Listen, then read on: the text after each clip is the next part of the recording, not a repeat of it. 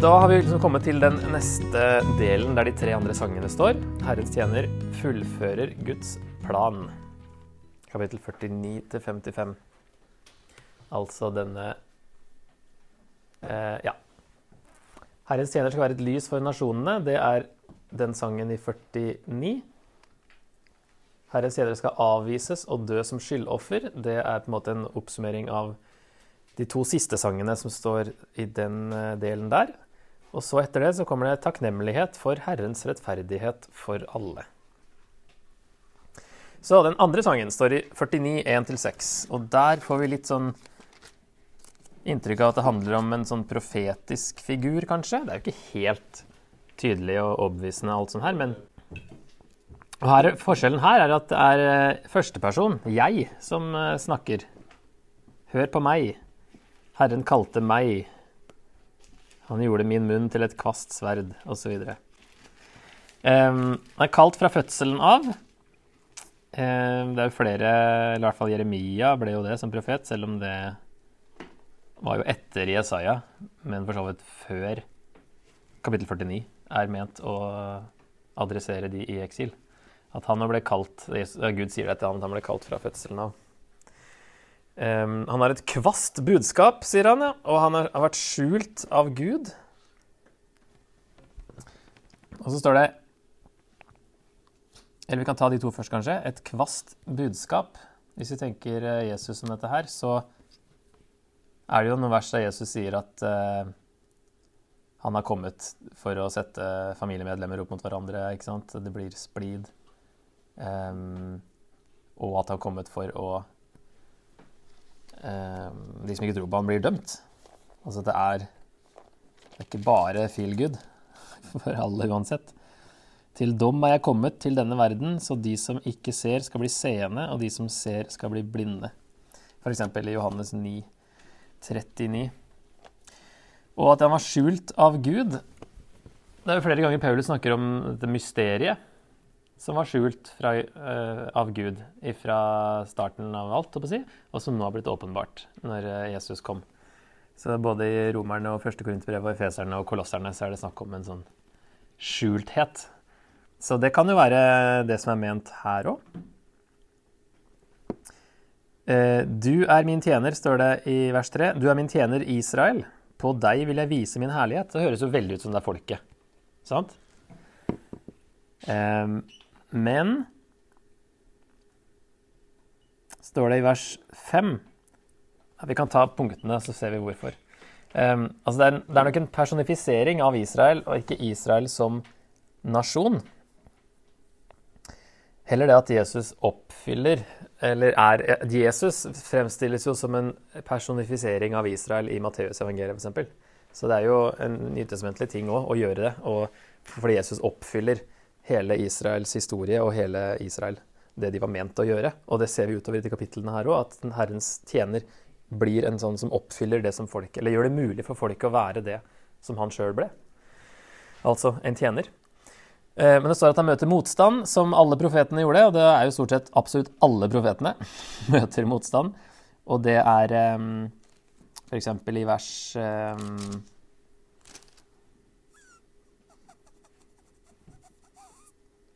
For, vers 4, kanskje. Forgjeves har jeg slitt, all min kraft har jeg brukt på tomhet og vind. Min rett er likevel hos Herren, min lønn er hos min Gud. Kan i hvert fall forstås litt som en sånn profetisk figur. Oppgaven hans er ifølge denne eh, sangen her å føre de bevarte av Israel tilbake til Gud. Eller Jakob, som står der i vers 5. Føre Jakob tilbake til ham, så Israel kan samles hos ham. Og det gjør at han, settes, at han er noe annet enn folket og Israel kan jo ikke føre Israel tilbake. Det høres veldig rart ut. Så er, selv om man kalles Israel, så er det Det er en sammenheng med Israel som nasjon, men at det er en enkeltperson da, som er en personifisering av folket. Og han skal gi frelse til alle folkeslag. Siste vers, altså vers 6, eh, slutten av vers 6. Jeg gjør deg til lys for folkeslag, så min frelse kan nå til jordens ende. Ser vi det i lys av Nytestamentet, så mye Jesus her, da. Og Lukas 2 og Apostelgjerningen 13 er det noen vers som, eh, som, siterer dette her med lys til eh, Lys for folkeslag og, og sånne ting. som eh, på en måte bekrefter det. Og her òg har jeg lagt til et spørsmål som vi ikke får snakka så mye om. Nå når vi forsvant alt sammen, ja. Um, men bare litt det her med at Jesus er profeten. Hva betyr det for oss? Altså profeten med stor P. Og det er jo Nå svarer jeg på det, da. bare for å... Som Moses snakka om i 5. Mosebok 18. Det skal komme en profet som meg. Han skal dere høre på. Eh, den som ikke hører på han, det, det blir ille. Parafrase. Og, i Johannes 7 så sier de og han må da sannelig være profeten. Så de venter på profeten, en bestemt profet som skal komme, og som kanskje òg eh, dette her handler om. Og hva betyr det da hvis Altså en profet, hva er definisjonen på en profet ifølge Gammeltestamentet?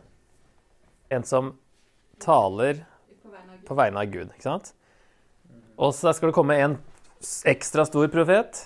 Hva vil det si da, når vi eh, konkluderer med at Jesus er profeten, den store profeten med stor P? Hva betyr det da for, for oss? For vår teologi, for vår uh, åndelige trygghet, for bibelstudier? Han på en måte er jo det som bruker det ordet, kulminerer alle profetene. Altså Jesus er den som alle profetene har pekt fram mot. Nå kommer profeten med stor P, som kommer med Guds siste ord, sånn som hebreerbrevet setter det fram. Det kommer ikke mer åpenbaring. Vi kan være sikre på at Bibelen er det som Gud har ment vi skal ha. Kommer ikke plutselig en ny profet som kommer med noe sånn som Mohammed. ikke sant? At Mohammed kommer med mer. Det kan vi lett avskrive ut fra Bibelen selv. Men i hvert fall så er det det at vi, vi kan være sikre på at det vi har her, det, det holder. Og det er det Gud har ville sagt, og det kommer ikke noe mer. Og Jesus er den som har det siste ordet på en måte, i Guds åpenbaring. Men ja, eh, det var litt sånn profetvinkling kanskje på denne her. Og så kommer den tredje sangen. Den er i kapittel 50, vers 4-9. Der mener eh, noen at de ser en sånn disippelvinkling på ting. Fortsatt er det første person Herren Gud har gitt meg disippelers tunge. Det nevnes jo der, da, i hvert fall. Så jeg kan styrke den trette med et ord. Morgen etter morgen vekker han mitt øre, så jeg kan høre på disiplers vis. Han er fremstilles da som en lydig disippel med åpent øre og klar tunge. Hører hva Gud sier, og, og er klar til å si, si det videre. Herren Gud har åpnet mitt øre, jeg var ikke trassig, trakk meg ikke tilbake. Ryggen overga jeg til dem som slo, kinnet til dem som rev av meg skjegget. Ansiktet skjulte jeg ikke for vanære og spytt. Så er, han er villig til å lide her. Begynner allerede å bli litt lidelse, som da toppes i den fjerde sangen. Herren Gud hjelper meg, derfor blir jeg ikke til spott. Derfor gjør jeg ansiktet hardt som flint. Jeg vet at jeg ikke blir til skamme. Han som frikjenner meg, er nær. Hvem vil føre sak mot meg? La oss stå fram sammen. Hvem er min motpart? La ham tre fram mot meg. Se, Herren Gud hjelper meg. Hvem vil kjenne meg skyldig? Se, de skal alle bli utslitt som klær. Møll skal ete dem opp. Så han blir, skal bli frikjent, selv om han har lidd, ser det ut som da. Og han stoler på Gud at eh, det skal skje. Så den er eh, kanskje litt vanskeligere å Vet ikke jeg. Litt annerledes enn de andre, kanskje. Litt mer sånn Men det begynner å nærme seg den fjerde, da. Med Herrens lidende tjener. Med lidelse. Men stole på Gud at dette, han skal bli frikjent. Og ja, jeg har et spørsmål. Jeg kan ta med det spørsmålet som jeg har her òg. Hvordan viser Jesus oss hva det vil si å være en disippel? Og det er jo ikke akkurat, Nå må vi trekke inn veldig mye Jesus i så fall, da. For her er det jo ikke egentlig Jesus som sier det. Men det peker fram på Jesus, og det peker fram på hvordan Jesus eh, gjorde eller utførte Guds vilje. Og det er jo noe vi kan ta videre til oss òg. Som disipler så er det lydighet og um, et åpent øre og en klar tunge hører med til det å være en disippel. Kan vi jo tenke litt rundt. Men ikke nå. ok, Så er det noen veldig interessante vers. som Før vi kommer til 53, så er det i 52. Og Eh, de siteres av Paulus i Romerne 10-15, som dere ser her. Og vers 7, da. Hvor vakre de er der de løper over fjellene. Føttene til den som bringer bud, forkynner fred, bringer godt budskap, forkynner frelse og sier til Sion, din Gud er konge. Og her i den greske da, septuaginta så er det jo ordet Hvilket ord ligger bak godt budskap på gresk? Evangeliet. Ja. Evangeliet, ikke sant? Og derfor snakker Paulus om det som evangeliet i romerne. Um, så her har vi liksom sånn startgropa på, på si evangeliekonseptet, på en måte. Hva sier dette her om evangeliet? Ja, Det sier i hvert fall at Gud er konge, og den er den egentlige kongen. Og at Guds rike ikke sant? Vi snakker mye om Guds rike. Det er jo Guds kongerike. Gir fred og frelse. Her er det jo eksilet. ikke sant? De, de må bli oppmuntra med at Gud er konge. Han kommer til å redde dere. Og så brukes det her videre i Nytestamentet om de gode nyhetene er at Gud er konge, og han vil redde dere. Sant? Og han kommer tilbake, og Guds rike skal inntreffe for, all, eh, for evig. da. Det loves noen gode nyheter i framtiden. Fra deres ståsted så er det først og fremst eksilet, men det kan vi si at, som vi har sett, at eksilet peker fram mot Jesus, det også. Altså utgangen fra eksilet peker fram mot frelsen i Jesus. At evangeliet er at Jesus er universets egentlige konge, som skal komme igjen for å rette opp alt. Dette er virkelig gode nyheter som det burde være lett å fortelle andre om. Derfor er det gode nyheter. Ja? Nå kommer han tilbake for å fikse alt. Og videre, derfor lever de som tror på dette budskapet, etter en annen standard. De lever etter det fremtidige kongerikets etikk. Derfor hjelper de som tror på dette budskapet, de fattige og hjelpeløse, siden Guds hensikt er å rette opp alt.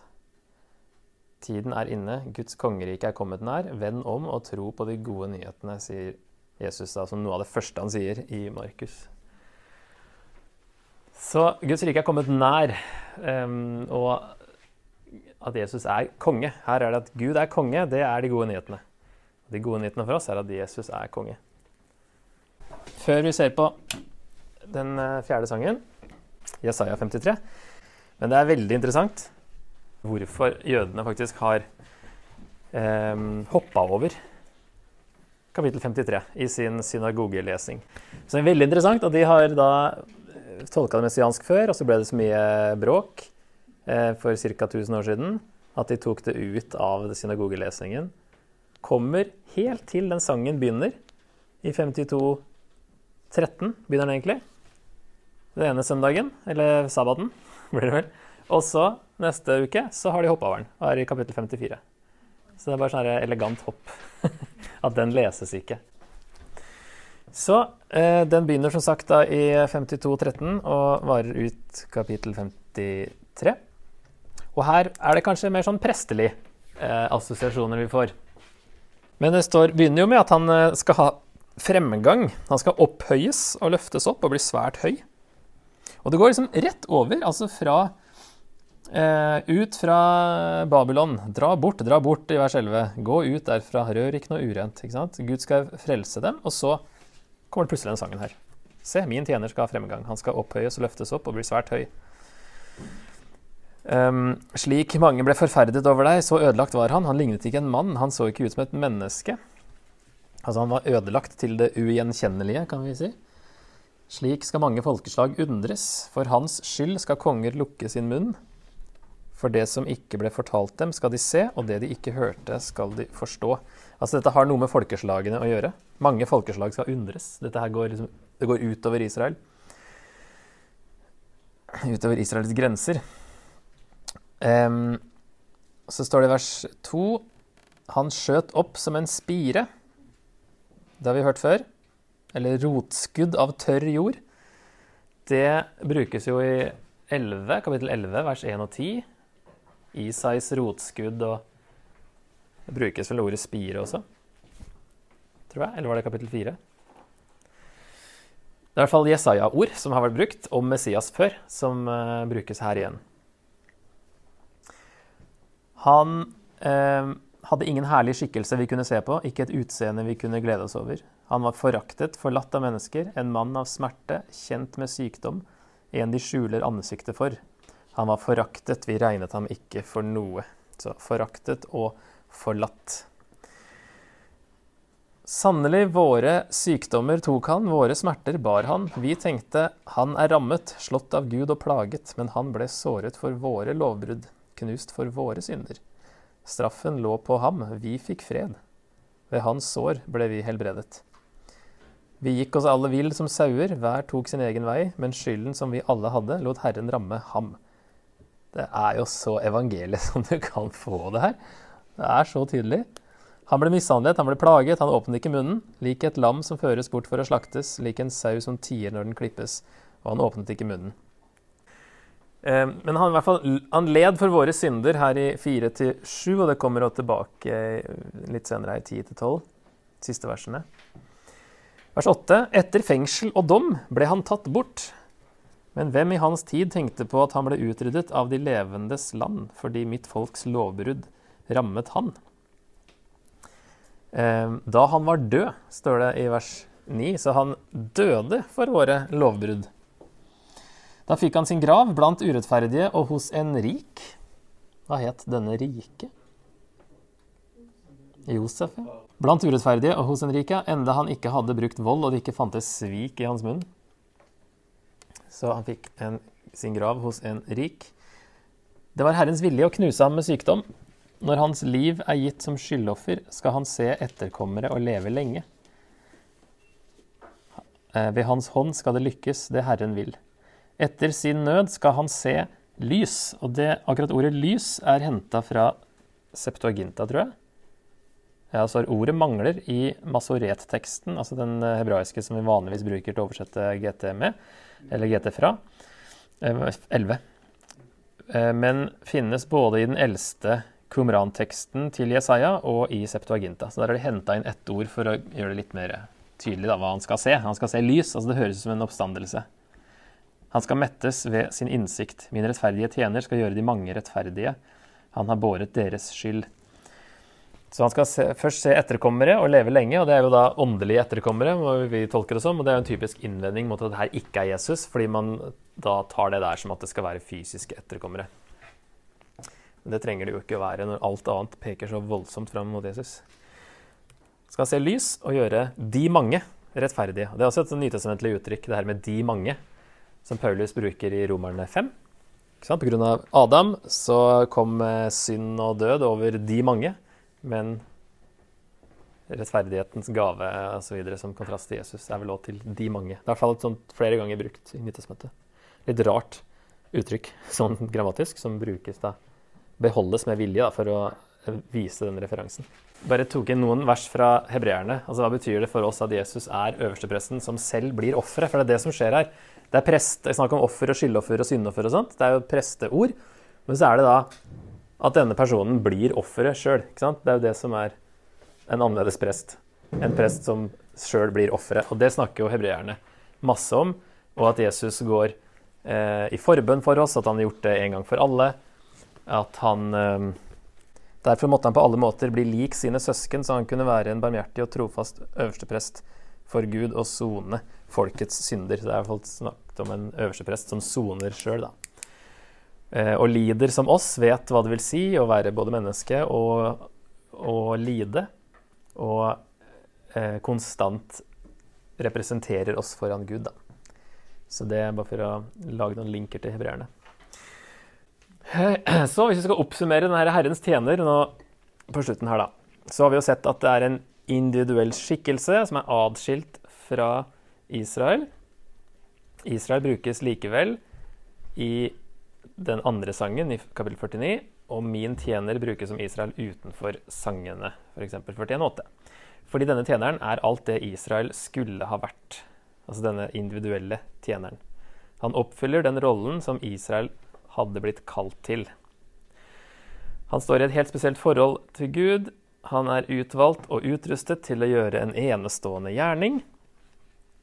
Og så så vi de forskjellige aspektene i de forskjellige sangene. At han har kongelige trekk, men en annerledes Messias. Han er ydmyk, han skal utbre retten for både Israel og folkeslagene. Han har profetiske trekk, men skiller seg ut fra alle andre profeter, inkludert Moses. Og han har prestelige trekk, men blir selv skyldofferet. Så det går liksom ut ja, annerledes enn alle de typiske kongene, profetene og prestene. Eh, som han oppfyller, da. Og sprenger alle forbilder, både kongelige, profetiske og prestelige. Og så har vi masse stoff i Nytestamentet, der i hvert fall den fjerde sangen, altså den lidende tjener, i kapittel 53, brukes tydelig om Jesus. Både i, av, av evangelistene og av Jesus sjøl, og i 1. Peter 2. Så det er i ikke noe tvil om det. Og så så vi jo at den første sangen siteres også i Matteus.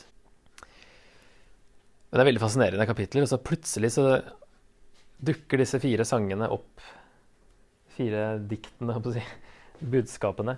Som eh, skiller seg litt ut fra resten. Og så, og så øker det gradvis, og så toppes det jo veldig da, i kapittel 53.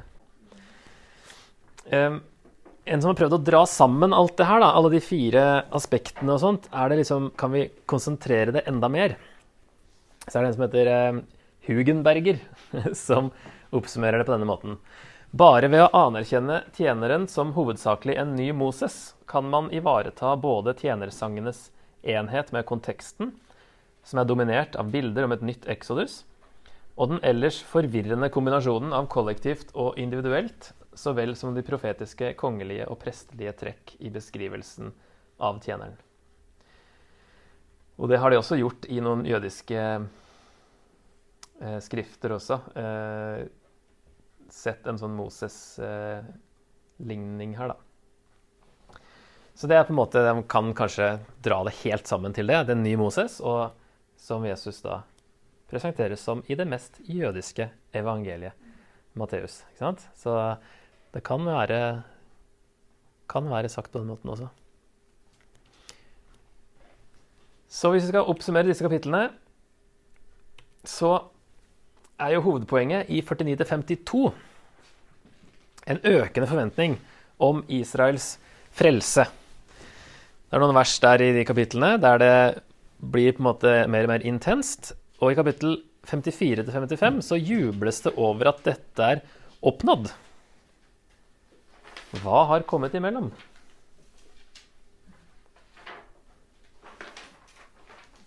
«53. Kapittel 53 har gjort det mulig. Israels frelse, som det bygges opp til. Og plutselig, altså hvis man da i synagogen bare hopper over 53, så har man plutselig kommet til frelsen, så har man ikke skjønt hvordan.